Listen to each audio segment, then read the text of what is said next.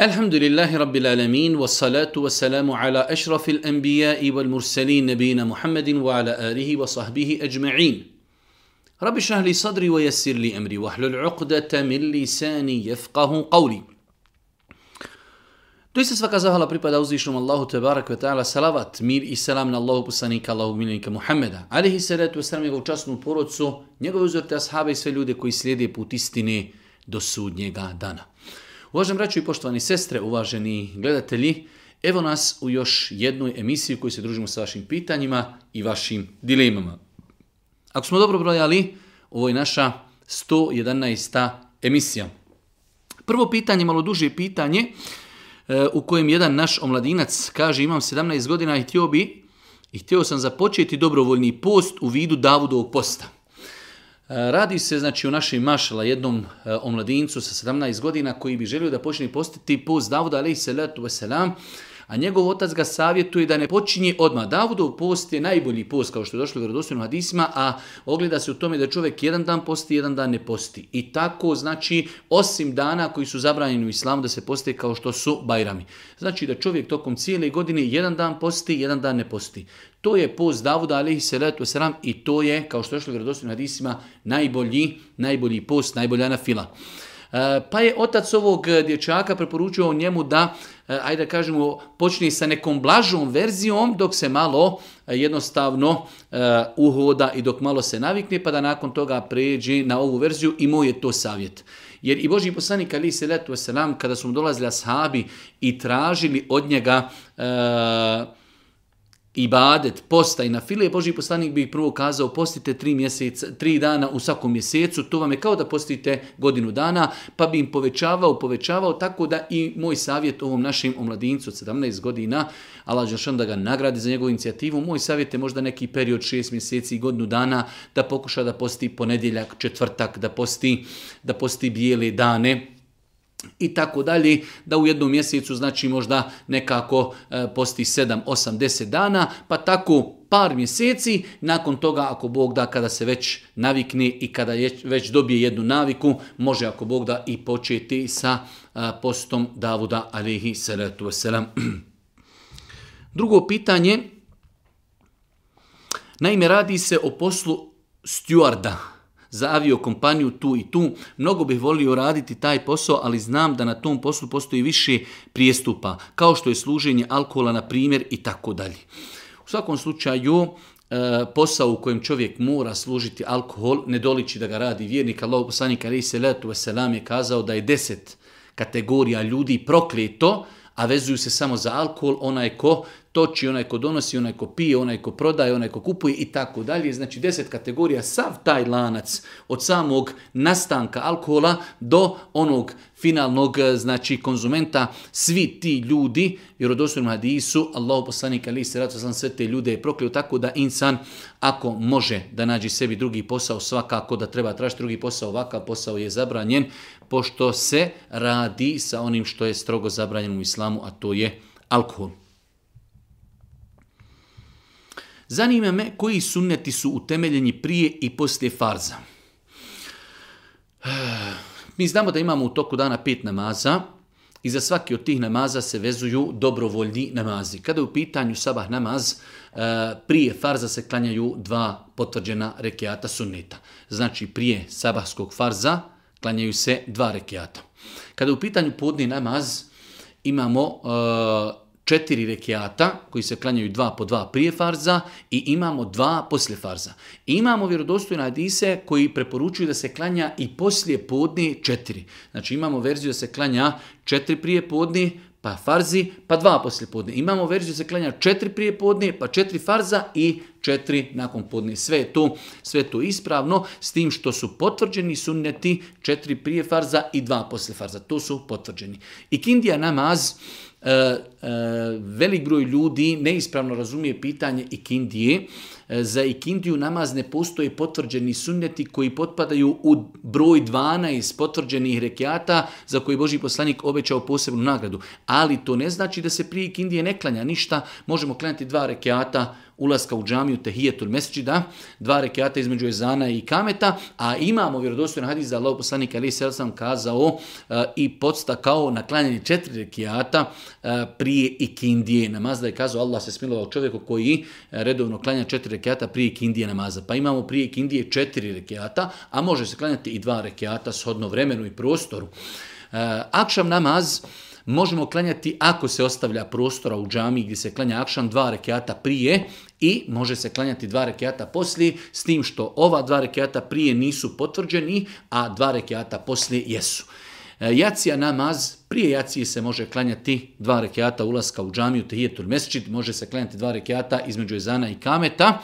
Ne postoji prije jacije potvrđeni sunnet, poslije jaciji se klanjaju dva rekiata potvrđenih sunneta i nakon toga se klanja vitr namaz. Evo, to je nešto rezimirano vezano za sunnete koji se klanjaju sa farzima u toku pet vakat namaza u toku dana.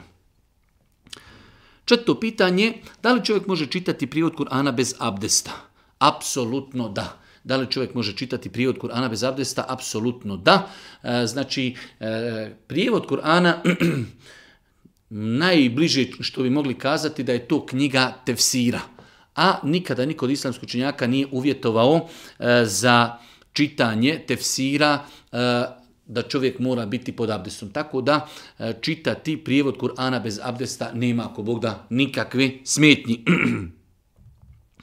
Da li čovjek ili žena gubi abdest ako se dodirnu, na primjer, zagrle se ili se dodirnu bez dodirivanja stidnih mjesta, za ruku, poljubac i tako dalje.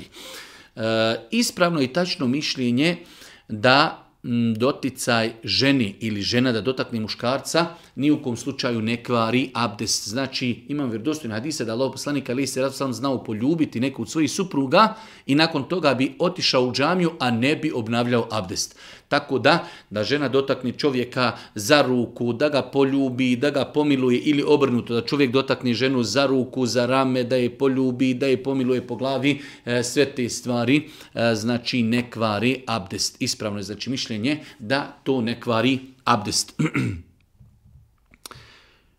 Šesto pitanje, zanima me da li se može kratiti i kamet koji se uči prije farz namaza, pošto sam vidio da to neki ljudi praktikuju.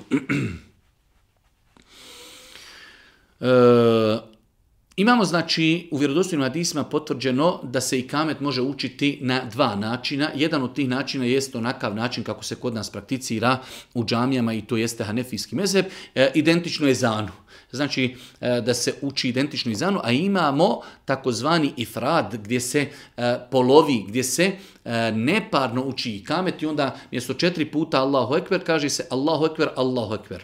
Ešhedu en la ilaha illallah, ešhedu Muhammed Rasulullah i tako dalje. Znači uči se pa e, neparan broj, uči se neparan broj, što je znači takozvani kratki i kamet i oba ta, oba ta načina su e, vjerodostojnim hadisima prenesena od Božih poslanika ali se letu selam.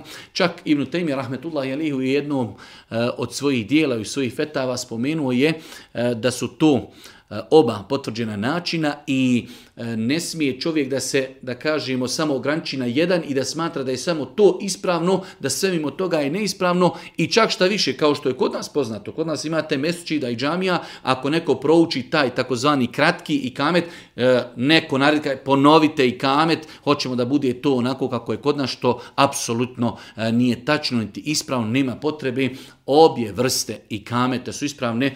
Pogledajmo danas kako se u Mekki i Medini uči i kameti, znači znači tako da e, nema nikakve smetnje da se uči i jedna i druga vrsta i kameta, e, obje su ispravne i ne treba znači e, negirati nekome ako postupi suprotno od onoga što mi prakticiramo, čak šta više najbolje prakticirati nekada onu opciju dužu kao ezan, a nekada prakticirati onu kraću opciju.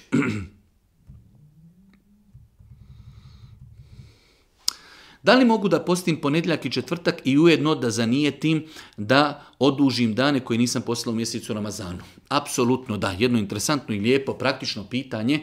Znači, naše sestre koje nisu postile u mjesecu Ramazanu žele da naposti dane. Mogu li te dane kada napaštaju da posti ponedljak i četvrtak i da imaju nagradu na paštanje? Ako Bog da da imaju nagradu i na file, apsolutno da. S tim što moraju nijeti ti namjeravati prilikom posta da je to napaštanje. Jer ako bi nam nijetile da je to post ponedjeljke četvrtka, to je na fila. Ali da insan posti četvrtkom i ponedjeljkom, obavezni post, odnosno napaštanje, ako Bog da imat će, nadamo se, dvije nagrade. Tako da sestre naše koje napaštaju, jedna od najljepših opcija jeste da to napaštaju ponedjeljkom i četvrtkom, ali obavezno na veće prije sehura moraju zanijetiti da je sutrašnji dan posta, napaštanje ramazanskog posta, ako Bog da nadamo se i da će imati nagradu što poste ponedjeljkom i četvrtkom. Jedno malo duže pitanje, kaže čovjek često sam koristio vjersko kupanje gusul, a da nisam imao odnos intimu sa mojom suprugom. Poslije toga bi objavljao namaz bez uzimanja abdesta. I malo još dodatno pojašnjenje, da li je to ispravno. Mi smo više puta govorili o tome da čovjek ako se kupa od džunupluka, ovo je bitna klauzula, ili žena koja se kupa od hajza ili nifasa ili od džunupluka, ako se okupaju po sunnetu Božijeg poslanika, ali se letu veselam, ako znači uradi sve onako kako je propisano, da nakon toga mogu odmah klanjati namaz. Ovdje čovjek kaže, on je se kupao, ali nije se kupao od intimnog kontakta. Kupa se čovjek želi da se istušira. Evo, bukvalno čovjek odje da se istušira, nakon tuširanja odje klanjati. Može li to? Ne može. Nažalost, ovaj brat je pogriješio, znači ako se kupamo od džunupluka i ako se kupa žena od hajza, nifasa ili e, znači od džunupluka, i ako e, uradimo onako kako je sunet Božije poslanika, ali se to sram da na početku čovjek opere ruke, nakon toga opere spolni organ, nakon toga ponovo operi ruke, nakon toga abdesti. Nakon toga abdesti, nakon toga skvasi cijelo tijelo, a da u toku tog znači kupanja ne uradi ništa što kvari abdest, nakon kupanja Znači mi imamo abdest. Za razliku od čovjeka koji je otišao samo da se istušira i nakon toga da klanja nije ispravno. Ili će takav čovjek prije kupanja uzeti abdest, pa se istuširati i u toku tuširanja ništa ne raditi što kvari abdest i nakon toga će imati abdest ili nakon što se istušira otići će uzeti abdest, to može, ali samo tuširanje koje nije vezano za džunupluk, niti za hajz ili nifas, nije dovoljno da čovjek e, sa takvim kupanjem, sa takvim tuširanjem, e, znači postane pravno čist da može, da može klanjati namaz.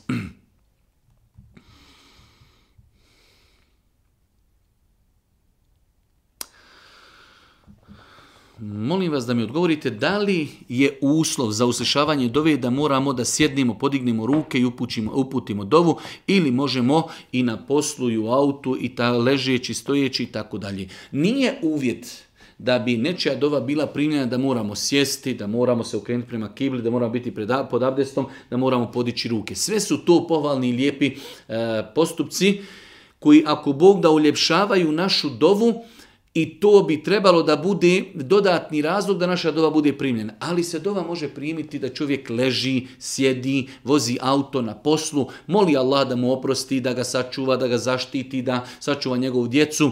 E, znači, dova je jednostavan, lagahan i badet možemo dobiti u svim situacijama, ali od lijepih postupaka jeste da se okrenemo prema kibli, da podignemo ruke, e, da započnemo sa e, zahvalom Allahu, da započnemo sa poslanikom, e, sa salavatom na Božije poslanika, ali se ratu sram i tako dalje. Ali sve su to pohvalni postupci tako da se neki od tih postupaka, ako se izostavi, to ne znači da naša dova neće biti primljena. Čuo sam iz vaših predavanja da ako čovjek dotakne spolni organ da gubi abdest. E sad, problem je što ja to ranije nisam znao i tako dalje. U svakom slučaju, kakav je propis kada neko nešto praktikuje i nakon toga sazna da je da ima i drugo mišljenje. U ovom konkretnom slučaju čovjek je smatrao da doticajem spolnog organa ne kvari abdest. Tako je naučio i nakon toga čuje od nekoga koji njema autoritet da ima mišljenje da to kvari abdest i on prihvati to mišljenje. Da li je nešto griješan zbog onoga što je proteklo? Apsolutno ne. Jednostavno takav je ilm, takvo je znanje, takav je fik da čovjek mora doći u situacije gdje je nešto prakticirao, nakon toga je nešto naučio novo i promijenio određene postupke u svome životu. Ono što je radio, radio je po jednom stavu radio i po jednom uvjerenju radio jer je nije znao drugačije. Nakon toga ako svati, nauči, bude uvjeren čvrsto da je drugo mišljenje jači, on će samo nastaviti prakticirati to drugo mišljenje, a ako Bog da, nije griješan zbog onoga što je prakticirao u prethodnom periodu. Da li prilikom uzimanja abdesta perimo vrat i drugo, da li prilikom predavanja selama potirimo lice? niti jedno, niti drugo. Znači, Allah poslanik alaihi salatu wasalam pojasnio u vjerodostojnim hadisima kako se uzima abdest. Hadisi koje bilježi imam Buharija i Muslim i drugi, drugi e, sakupljači sunina ne bilježi u svojim hadijskim zbirkama e, u vjerodostojnim predajama da je Allah poslanik alaihi salatu wasalam prilikom abdesta potirao vrat. Tako da nima potrebe prilikom abdesta potirati vrat. E, dio učenjaka smatrao je potiranje vrata novotarijom. S druge strane, da li potirati lice nakon predavanja selama nije propisano, potiranje lica nakon predaje selama postoji, e, razilaženje kod učenjaka da li nakon dovi, dovili smo, da li nakon dovi potrati lice, imamo hadise u pogledu koji postoji razilaženje, Hafiz ibn Hađir je smatrao da ti hadisi e, dolazi do stepena hasen, dobrog hadisa, tako da nema smetnje poslije dovi potrati lice. Ali poslije namaza, eselamu alaikum, eselamu alaikum, Allahum ente selamu inke selam, te barak tjazal dželal kram, potrati lice rukama, to nije zabilježeno, niti preneseno od Božijeg poslanika, alihi salatu selam, rezime, znači prilikom abdesta nećemo prati, a nećemo prati niti potirati vrat, zato što to nije činio Božji poslanik, alihi salatu selam. Ako je neko već tako naučio i teško mu je to eh, preskočiti ili ostaviti, takve osobe inšala nisu ni griješne zato što jednostavno tako su naučili od svojih autoriteta, ali neko koje je mlađi, razumije, može pročitati, može se vratiti na literaturu, vidjet će da takva stvar nije utemeljena i nema potrebe da se prakticira. Najblaže što se može kazati jeste da je to novotarija, a rekli smo potiranje e, rukama lica, e, također nije, nije e, potvrđen postupak u namazu.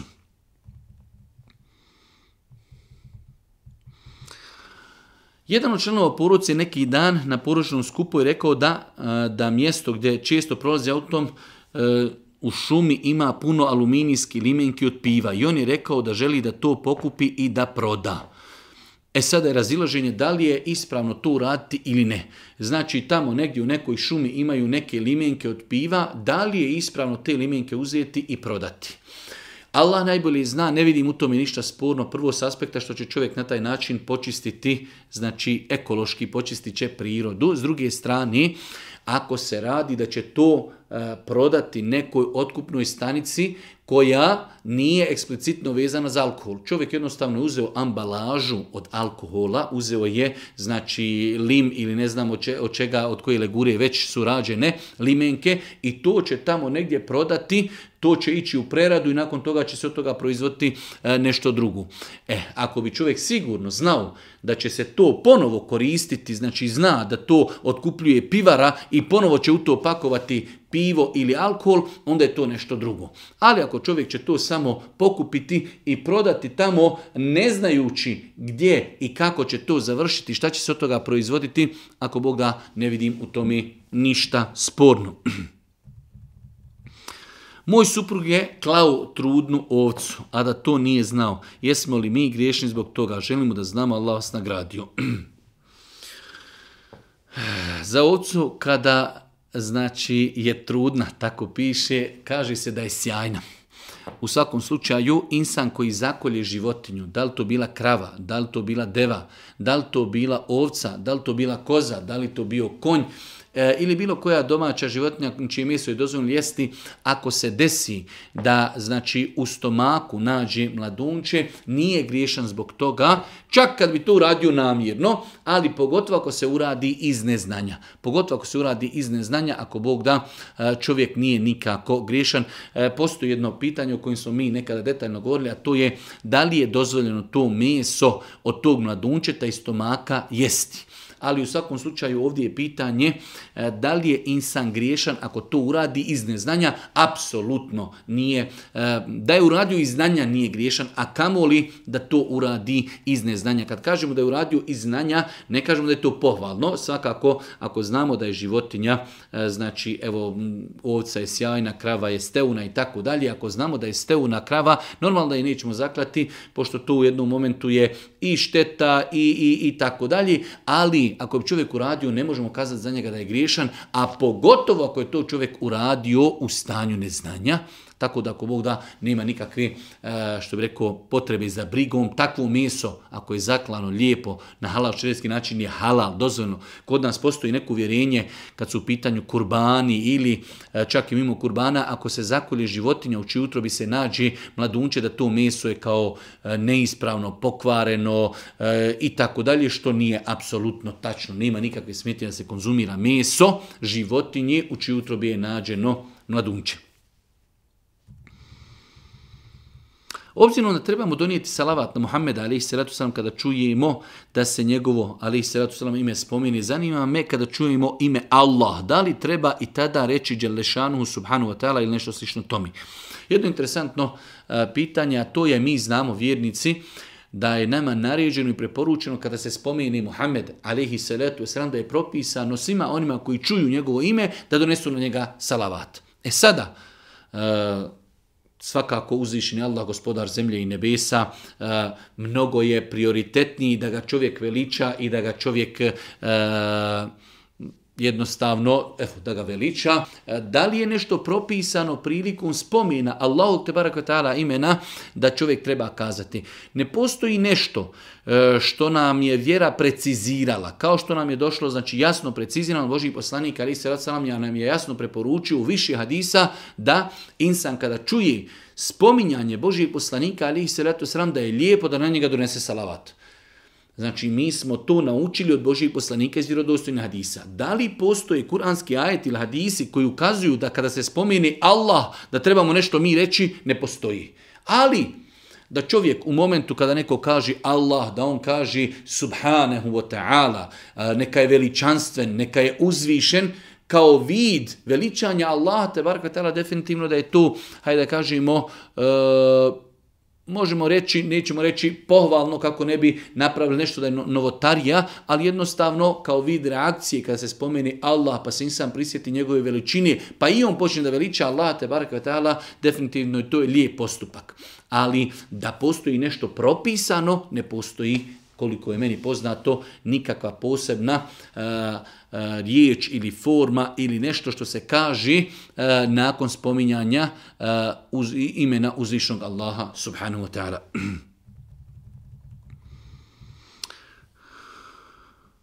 Moj rođak je stavio post u kojem je naveo hadis za koji mislim da je apokrifa, ali nisam siguran, zato se vama obraćam. U tom hadisu se navodi kako je poslanik rekao, ko prenese da je Ramazan bit će spašen vječni patnji i vatri. E, svakako, već mi lagano se približavamo mjesecu Ramazanu imamo različite apokrifne hadise koji se u ovim vremenskim intervalima pojavljuju, a to je ko prenese vijest o mjesecu e, Ređe, po mjesecu e, Šabanu, o mjesecu Ramazanu i tako dalje. Svi ti hadisi nisu vjerodostojni, znači u kojima stoji da insan ako prenese ljudima vrijest o nastupanju mjeseca Ređepa ili mjeseca Ramazana, da će biti pošteđen vatre i tako dalje kao što mi se svidjelo neki dan, jedan lijep komentar, jedna osoba kaže, džennet je mnogo skuplji, eh, da bi ga mogli zaslušiti na tako jedan prost i jednostavan način, da čovjek samo prenese ljudima, eto nastupio je Ramazan, približuje se Ramazan i time da se spasi vatri džehennemski, jednostavno e, neracionalna stvar. Tako da e, hadisi koji govori o tome, islamski učenjaci su spomenuli da su to izmišljotine laži na Božih poslanika, a poseban opasan grijeh je da čovjek slaži na poslanika i da učestvuje u prenošenju laži na Božih poslanika. Zato insan treba da pazi kada određene stvari šeruje, kada prenosi, kada ljudima proširuje na svojim grupama ili prijateljima ili poznanicima, da dobro pazi šta će im preporučiti, šta će im e, proslijediti, kako ne daj Bože ne bi bio jedan od onih koji prenosi laži na Božih poslanika. Ali i se nam. Jedno malo čudno pitanje, ali vi ste naučili da e, odgovaramo i na ta pitanja. Naime, da li prilikom odnosa sa mužem smijem biti pokrivena, odnosno imate hijab na glavi? E, žena i čovjek prilikom intimnog kontakta, kao što smiju biti e, nagi, bez ikakve odjeće, isto tako ako to njima predstavlja pod navim znacima neki čif i neko uživanje da budu u odjeći, nema ništa sporno u tome, ne znam zašto bi e, s određenog aspekta insan uopće tako u pitanje postavljao, ali eto, ljudi nekada vole da određene stvari u životu budu sigurni da nisu pogriješili, da li žena može da bude u odjeći prilikom intimnog kontakta sa svojim čovjekom, može da bude ako im to predstavlja znači e, zadovoljstvo. Zanima me kakav je stav islama u pitanju žena i zapošljavanja. Allah vas nagrađu. 17. pitanje.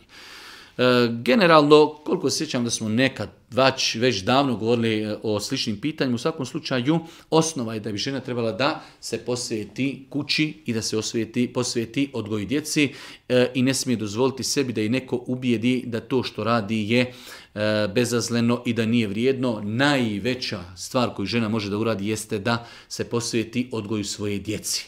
Ali, ako postoji potreba s aspekta da žena ima potrebu za, za jednostavno za novcem, za materijum ili u društvu postoji potreba za određenim ženskim kadrovima kao što su učiteljice, nastavnice, doktorice, ginekolozi i tako dalje. To su kadrovi ženski koji su nam potrebni. U takvim slučajevima ako žena ima potrebu ili društvo ima potrebu za ženskim kadrovima, onda kažemo žena treba da ima saglasnost ili svoga staratelja, oca, znači prije udaje, ili da ima saglasnost svoga muža da ju dozvoli da radi. Isto tako da taj posao bude odgovarajući za njenu prirodu. Ne može žena ići u rudnik, niti žena može da, da, da bude profesionalni futbalir ili da, ne znam, nija diže tegove i tako dalje, znači da bude varioc, već imaju poslovi koji ne doliče ženi, niti ona može raditi, a imaju poslovi koji odgovaraju kao što je pedagog, psiholog, eh, nastavnica, učiteljica, ginekolog eh, i tako dalje. Znači svi mi znamo šta su to poslovi koji odgovaraju ženi i njenoj prirodi, a šta su to poslovi koji ne odgovaraju ženi i njenoj prirodi. U svemu tome da posao bude halal, u svemu tome da znači nema nekog kontakta, kontinuiranog, da žena radi rame uz rame sa muškarcom i tako dalje. Sve su to neke stvari koje žena treba da pazi prilikom traženja i odabira posla. Prvenstveno da ima saglasnost svoga staratelja ili muža, da je posao halal, da ona ima potrebu za tim poslom ili društvo ima potrebu za takvim kadrovima da posao u osnovi sam po sebi bude halal, da može prakticirati nošenje hijjaba i prakticiranje vjeri, znači kad kažem prakticiranje vjeri da može postiti, da može obavljati namaz i u svemu tome znači da to bude posao koji odgovara njenoj prirodi, svakako da bude maksimalno udaljena na poslu od muškaraca. Da li je obaveza dati zekat muslima, musliman koji je nekada prije dok nije prakticirao vjeru digao kredit i sada ima dug prema banci, a ima nisab u novcu? Znači imamo čovjeka ima dug, ali isto tako ima svoje druge ušteđevine da je dostigao nisab i znači novac treba da pregodini i nakon toga treba na njega dati zekijat. E sada je pitanje da li je čovjeku obaveza da daje zekijat na novac kojeg ima, a on s druge strane ima dug. Islamski učenjaci u pogledu tog pitanja imaju različite stavove. Ono što je meni e, najjeći mišljenje jeste da tom čovjeku kažemo u redu, taj tvoj novac nemoj dozvoliti da pregodini, jer ako pregodini, gotovo, moraš dati na njega zekijat. Ili taj novac vrati onome kome si dužan, i samim tim ti nemaš više obavezu da daješ na njega zekjat, a ako dopustiš da novac ima nisab i ako pregodini, bez obzira što si dužan, obaveza je dati novac, e, do obaveza je dati zekjat na takav novac. Znači, ponavljam, ako imamo čovjeka koji je dužan, ali jednostavno uplaćuje te neke svoje rate kako je dogovorio i mimo toga je još ušparao novca da ima nisab. Dostigao je tu granicu za zekijat, mi kažemo tom čovjeku ili taj novac dadni onome kom si dužan, ili ako dostigneš nisab i dostigneš godinu dana da nikada novac nije padao ispod nisaba, obaveza ti je dati zekijat. Tako da, insan koji ima dostigao je nisab i ako novac mu pregodini, obaveza mu je da dadne zekijat bez obzira što na drugoj strani ima dugove, neka taj novac dadne za dug i neće morat davati zekijat. Imam 16 godina i imam problem sa brijanjem brade i majka mi govori da obrijem bradu 5 do 10 puta kako bi e, počela normalno rasti i tako dalje. U svakom slučaju to je taj period u tim nekim godinama e, puberteta, adolescencije, kada jednostavno brada ne raste jednako o mladincima, pa onda malo roditelji iz neke, hajde da kažemo, e, i brige i ne znam, nija za svojom djecom, oni onda njima kažu pa dobro nije vam lijepa ta brada, de nekoliko puta obrijte tu bradu dok vam se brada ujednači i tako dalje. U svakom slučaju brada se ne pušta zbog njenog fizičkog izgleda. Druga stvar nije tačna konstatacija da brijanje brade pogušava i jača bradu. Imamo ljudi koji se briju 50-60 godina i uvijek imaju samo par dlaka na licu. Znači kada bi to bilo tako oni bi sigurno imali bujnu i jaku bradu, a imate mnogo ljudi koji jednostavno briju se godinama, desetine godina i nikada im se nije pogušala brada. Tako da, e, znači, nije tačna konstatacija da brijanje bradi e, pojačava bradu. Znači, e, Allah najbolje zna, brada je vezana za čovjekovu genetiku, da li će biti gusta, crna, smeđa i tako dalje. Tako da, nije to opravdan razlog da se brada brije. Nije to opravdan razlog da se brada brije. Brijanje brade je zabranjeno. Pitanje broj 20 je zašto je u islamu zabranjen homoseksualizam? Ako ženu privlači žena ili obrnuto, ne može jednostavno da kontroliši taj osjećaj. Zašto, zašto je to onda zabranjeno? Ovo je jedna duga tema. E, osnova je da ne treba pitati zašto je nešto zabranjeno. Allah Žešanu je taj koji ljudima e, je naredio ono što je naredio, zabranio ono što je zabranio. Allahu Đelešanu se ne postavljaju pitanje zašto. Allah Đelešanu u osnovi planetu i čovječanstvo je stvorio da čovjek ima e, potrebu za ženom, žena ima potrebu za čovjekom. I to, to je, znači, planeta je zasnovana na tome. E, ne može, ako čovjek ima, e, da kažemo, da ga privlači muškarac ili ženu privlači e, druga žena, e, na taj način nestaje čovječanstva. Na taj način ne, ne postoji reprodukcija. Ne mogu dvije žene ako zajedno spavaju dobiti nikada dijete, niti dva muškarca ako zajedno spavaju dobiti dijete. Pa Allah šan taj koji stvorio ljude na način da čovjek ima potrebu za ženom, žena ima potrebu za čovjekom. To je znači osnova. Druga stvar, ne postavljaju se Allahu te baraka pitanja zašto. Allah Đeršanu je stvoritelj zemlje i nebesa i zna šta je e, korisno njegovim robom, a zna šta im, zna šta im šteti. Isto tako, e, treba da znamo da je osnova da se ljudi rađaju, osnova je, kao što kaže islamski učenjaci, da se ljudi rađaju u fitretu. A fitret je e, znači neki prirodni stadi čovjeka gdje čovjek ima potrebu za ženom, žena za čovjekom. Taj moment da žena osjeti e, naklonost prema drugoj ženi ili muškarac prema drugom muškarcu ili je izazvan okolinom i društvom u kojem se nalazi, ili školom, ili prijateljima, ili medijima, ali je to nešto što je vanrednost toga čovjek. Treba da se bori protiv toga u smislu da jednostavno e, sabura na tome, da dovi Allah da mu olakša, e, da traži sebi osobu drugog spola s kojim će stupiti u brak, ako je u pitanju žena, da traži se muškarca, muškarac da traži sebi ženu. E, ako ima mogućnost da potraži čak i e, medicinski, medicinsku reakciju ili savjete da vidi da nisu u pitanju hormoni i tako dalje. Ali u svakom slučaju ono što, e, što možemo slobodno rezimirati jeste da je priroda čovjeka, da čovjek ima potrebu za ženom, žena ima potrebu za čovjekom. Allah tako stvara ljude. Ako neko e, osjeti i može se desiti, osjeti nešto suprotno, onda treba vidjeti u faktore kako je došlo do toga. Kako je došlo do toga i shodno tome treba se tako i obhoditi prema toj osobi u smislu treba to e, e, liječiti, ako bi mogli kazati liječiti, treba to pokušati, znači prevazići E, rekli smo da je mnogo stvari koji mogu utjecati na insana da počne razmišljati tako, da li je to društvo, da li su to mediji, da li je to škola, da li su to nastavni planovi i tako dalje. U svakom slučaju ne treba postavljati pitanje Allahu, gospodaru zemlje i nebesa, zašto je Allah zabranio svinjetinu, zašto je zabranio blud, zašto je zabranio kamatu, gospodar zemlje i nebesa zabranio je svojim robovima ono što im šteti, dozvolio i naredio ono što je korisno za, za nas ili za njih. Da li je dozvoljeno da idemo u solari jume zbog dobijanja tina? Islamski učenjaci savremenog doba dali su fetve na ovo pitanje, pa su kazali da ako postoji potreba u smislu da čovjek nekada imate kožnja oboljenja, gdje određeni dijelovi kože, znači u nedostatku pigmenata ili u određenim drugim e, bolestima, vitiligo ili u smislu gube i tako dalje, ako postoji potreba da se ide u solarijum kako bi se izbalansirala boja kože i kako bi se, da kažemo, te nastali mahane djelimično e, prevazišle, onda je to inšala dozvoljeno ako u tome nema šteti po insana.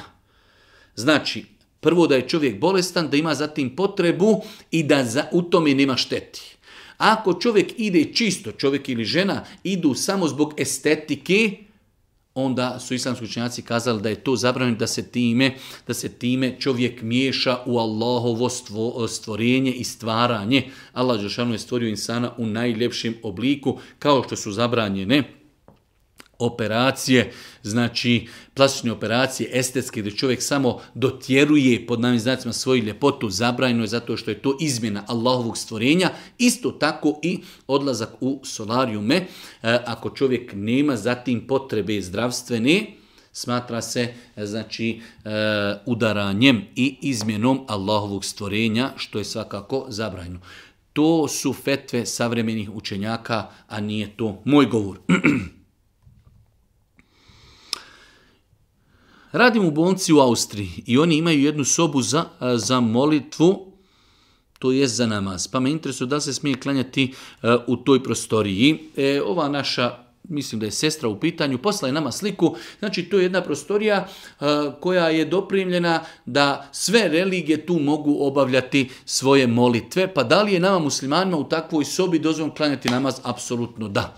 Znači musliman će kada dođe u takvu prostoriju odrijeće pravac kible, okrenće se prema, okrenće se prema kibli i obavit će namaz bez ako Bog da ikakvih problema. To što tamo negdje u nekom drugom čošku ima predviđeno mjesto za molitvu za nekoga drugog iz neke druge religije, to uopće ne utječe na validnost našeg namaza. Mi ćemo ući u prostoriju, okrenut ćemo se prema kibli i ako Bog da planet namaz, tako da hvala uzvišom Allahu kada u da kažemo, ovakvim institucijama postoji mjesto gdje se čovjek može sklonuti, gdje može na miru i rahatluku obaviti namaz, tako da, ako Bog da, nema nikakve smetnje. E, čak ono što sam viđao e, prilikom putovanja po svijetu, da takve stvari postoje e, na određenim aerodromima u svijetu, po zapadu, da imate tu religijsku sobu, da je tako nazovemo, gdje jednostavno ljudi koji hoće da obave svoju molitvu mogu tu doći, musliman, kršćanin, židov dođu tu, okrenu se onako kako oni misle da trebaju da se okrenu i obave svoju moltu. Da li je musliman dozvoljeno klanjati u takvim prostorima? Ako Boga i kako da je dozvoljeno. Da li je mužu dozvoljeno da pozajmi prijatelju veliku svotu para bez dogovora, saglasno sa svojom suprugom i da li je također ženi dozvoljeno da uradi istu stvar? E, ovdje imamo dva momenta E, pitanje da li muž može dati nekome e, u dug novaca da ne pita svoju suprugu. Ako je to njegov lični novac, s aspekta šerijata on ima pravo da da svoj novac u dug onome kome hoće. Svakako da je lijepo i pohvalno da pita svoju suprugu da se konsultuju, ali da li mu je obaveza? Ne. E sada je drugo pitanje, ako je to njihov zajednički imetak, onda svakako da trebaju zajedno donijeti odluku. Znači, ako čovjek ima svoj imetak, on ima potpuno šerijetsko pravo da dadne svog imetka u dug onome kom je hoće. Svakako da je lijepo i pohvalno pita svoju suprugu da se konsultuju kakvi su nam planovi, koliko možemo odvojiti, kako ćemo mu rat odrediti i tako dalje. Isto je pitanje sa ženom. Ako žena ima svoj lični imetak, ona može svoj lični metak dati nekome u dug i zajam kako ona hoće i kako želi, ali je lijepo da se konsultuje sa svojim čovjekom. E, a ako rekli smo, ako je u pitanju zajednički metak, onda zajednički metak moraju sa njim zajedno raspolagati. Pomazila sam i dotakla sam psa. Nakon nekog vremena, zaboravijeći da operim ruke, dodirnula sam živom ljevenu meso. Zanima me da li je to meso nečisto i tako dalje. Velik broj islamskoj činjaka smatrao je generalno da je tijelo psa nečisto, e, iako lično ne dijelim taj stav, ne postoji jasan šerijetski dokaz da je tijelo psa nečisto. Ovo govorimo s aspekta islama, je li čisto ili nečisto. Govorimo znači s aspekta ako čovjek dotakne e, tijelo psa, da li je njegova ruka nečista s aspekta islama, Eh, Allah najbolje zna, ne postoji dokaz. Postoji dokazi da je pljuvačka psa nečista.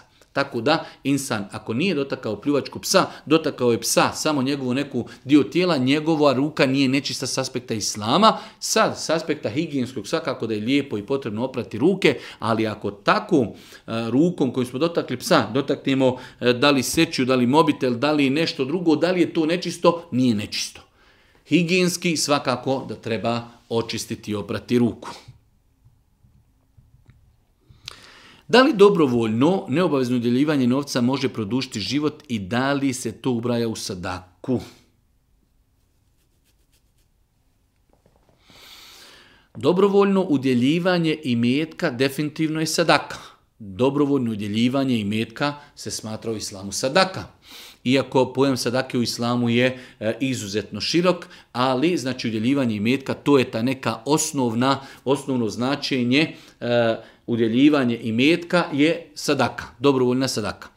E sada, e, da li postoji argumenti koji ukazuju da čovjek koji udjeljuje sadaku da mu to produžuje život? Koliko znam da postoje argumenti da čuvanje rodbinskih veza i dobročinstvo, elbir, dobročinstvo prema drugim ljudima i Mm, održavanje, čuvanje rodbinskih veza došlo je vjerodostojno listima da onaj ko želi da, da mu se život produži. Sa svim tim tumačenjima šta znači da mu se život produži, e, ima učenjaka koji su to shvatili i bukvalno, znači da jednostavno mu se život produži, čovjek ako e, ne udjeljuje, e, čovjek ako ne bude obilazio rodbinu, živjet će 60 godina, a ako bude obilazio rodbinu, živjet će 65 godina. Ima učenjaka koji su i tako shvatili.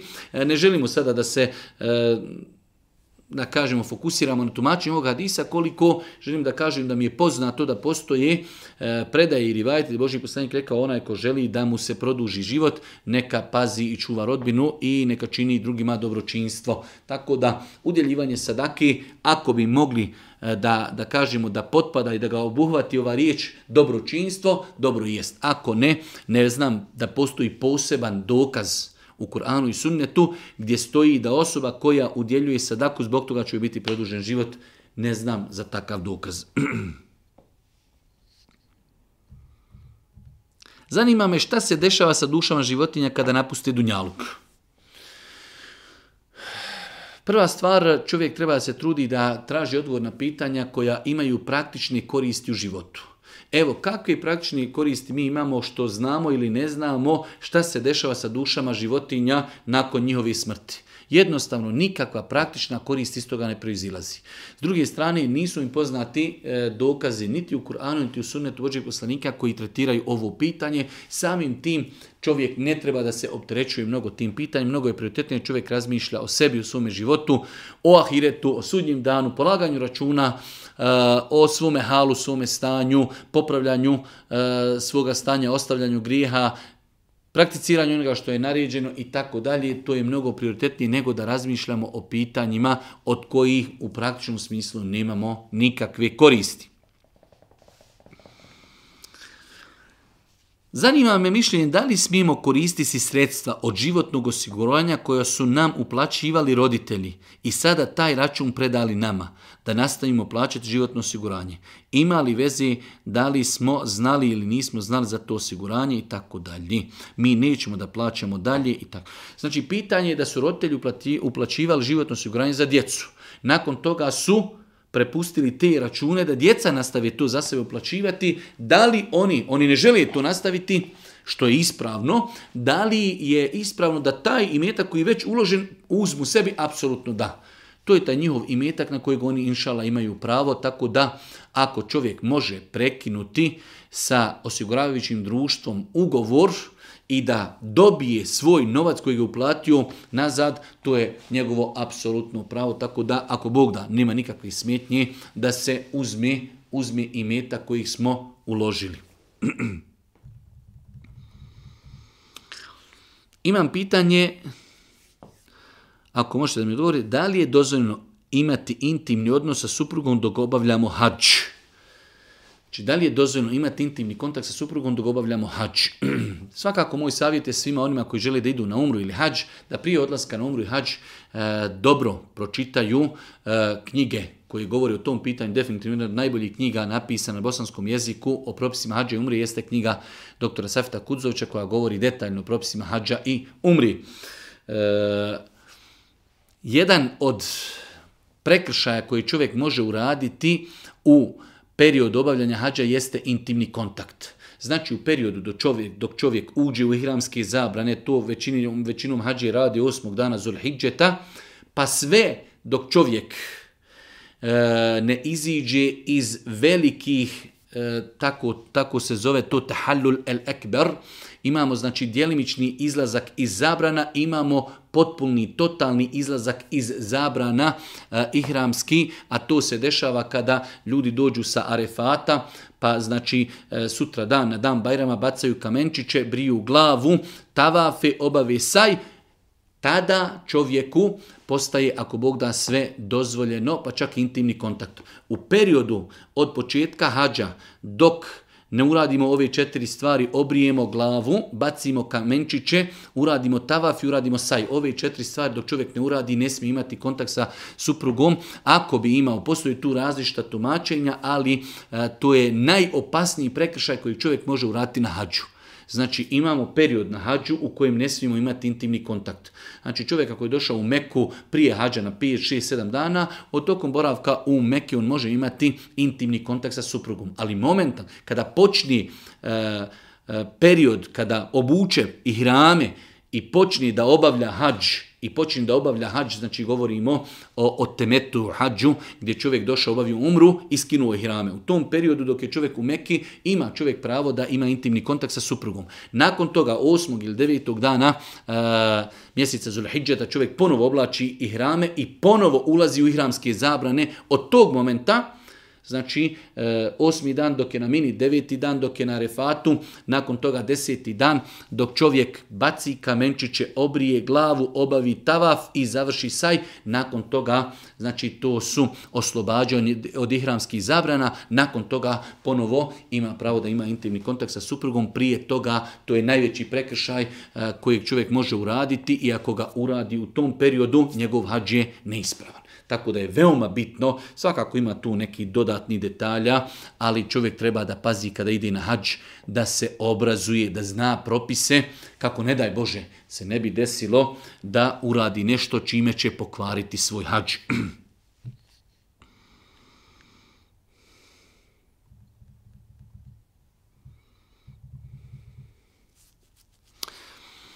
Muž mi je preselio na Ahiret, šerijetski smo bili vjenčani, da li imam pravo da budem u toj kući ili mogu da napustim kuću jer nemamo djeci, a moj rahmetli muž imao je djecu iz prvog braka. Osnova je da žena, kada ju čovjek preseli, da boravi idet četiri mjeseca i deset dana u toj kući eh, u kojoj je živjela sa svojim čovjekom.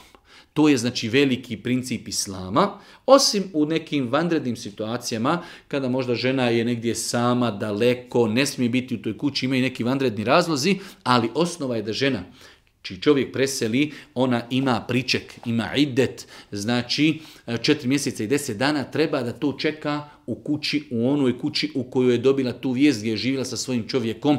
E, znači, e sad, nakon toga, pošto njih dvoje nisu imali djece, dolazi da će doći do miraza i dolazi da jednostavno žena ima svoj udio od svoga muža nakon njegove smrti, a i njegova djeca iz prvog braka imaju svoj udio. E sada, kome će doći kuća, kome će pripasti, to je pitanje znači podjele miraza, ali da li žena treba da boravi e, period taj ideta, e, četiri mjeseca i deset dana nakon smrti svoga muža u toj njihovoj zajedničkoj kući? Da.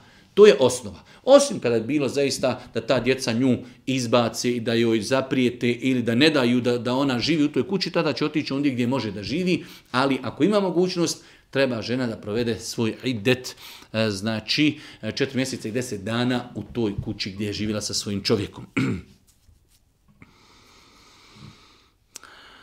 Živim u Sloveniji, idem u školu kuhara. Dok kuhamo jela na praksi koristimo većinom eh, svinjetinu. Da li je u islamu zabranjeno da se sprema svinsko meso ako si musliman za goste koji su nemuslimani, katolici? Znači, da li je čovjeku vjerniku dozvoljeno da priprema mm, jelo od svinjetine, neće ga on jesti, ali ga priprema nekom drugom? Odgovor je ne. Znači, ispravno je mišljenje generalno da sve što je nama muslimanima zabranjeno, je zabranjeno i muslimanima. I oni će zbog toga pitani biti na sudnjem danu zašto su činili ono što je zabranjeno nama muslimanima.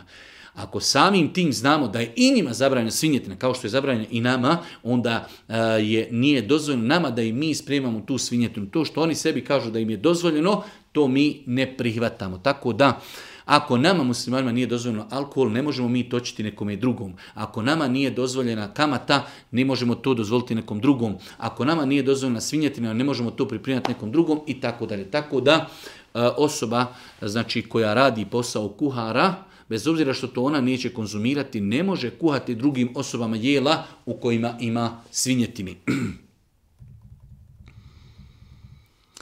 Živim u dijaspori, imam 18 godina, upisao sam fakultet informatike. U mom razredu ima jedan, e, imamo jednog ateistu koji se rodio musliman i živi dan danas u muslimanskoj porodci. Moje pitanje je da li je haram i da, ili je dozvoljeno pričati sa ateistom, znajući da oni odbijaju postojanje Boga. Svakako da nema smetnje da čovjek, sve dok insan e, ne vrijeđa Allaha, poslanika, dok ne vrijeđa, dok ne vrijeđa znači svetinje, dok nije, da kažemo, uh, napastan, nima smetnja sa njim porazgovara, e, da se sa njim u datom momentu kao uh, školska raja druži, jer na kraju krajeva i ako bi prihvatili činjenicu da ga treba pozvati u islam i pozvati istini, ne možemo to ostvariti osim lijepim ponašanjem e, znači i razgovorom. Tako da nema nikakve smetnje da čovjek ako ima u razredu muslimana, nemuslimana, ateista, da sjedi sa njima, da sa njima razgovara, sve dok u tom razgovoru nema ništa širijetski sporno, dok nema vrijeđanja islama, svetinja i tako dalje. Znači razgovor, razmjena mišljenja definitivno inšallah je dozvoljena.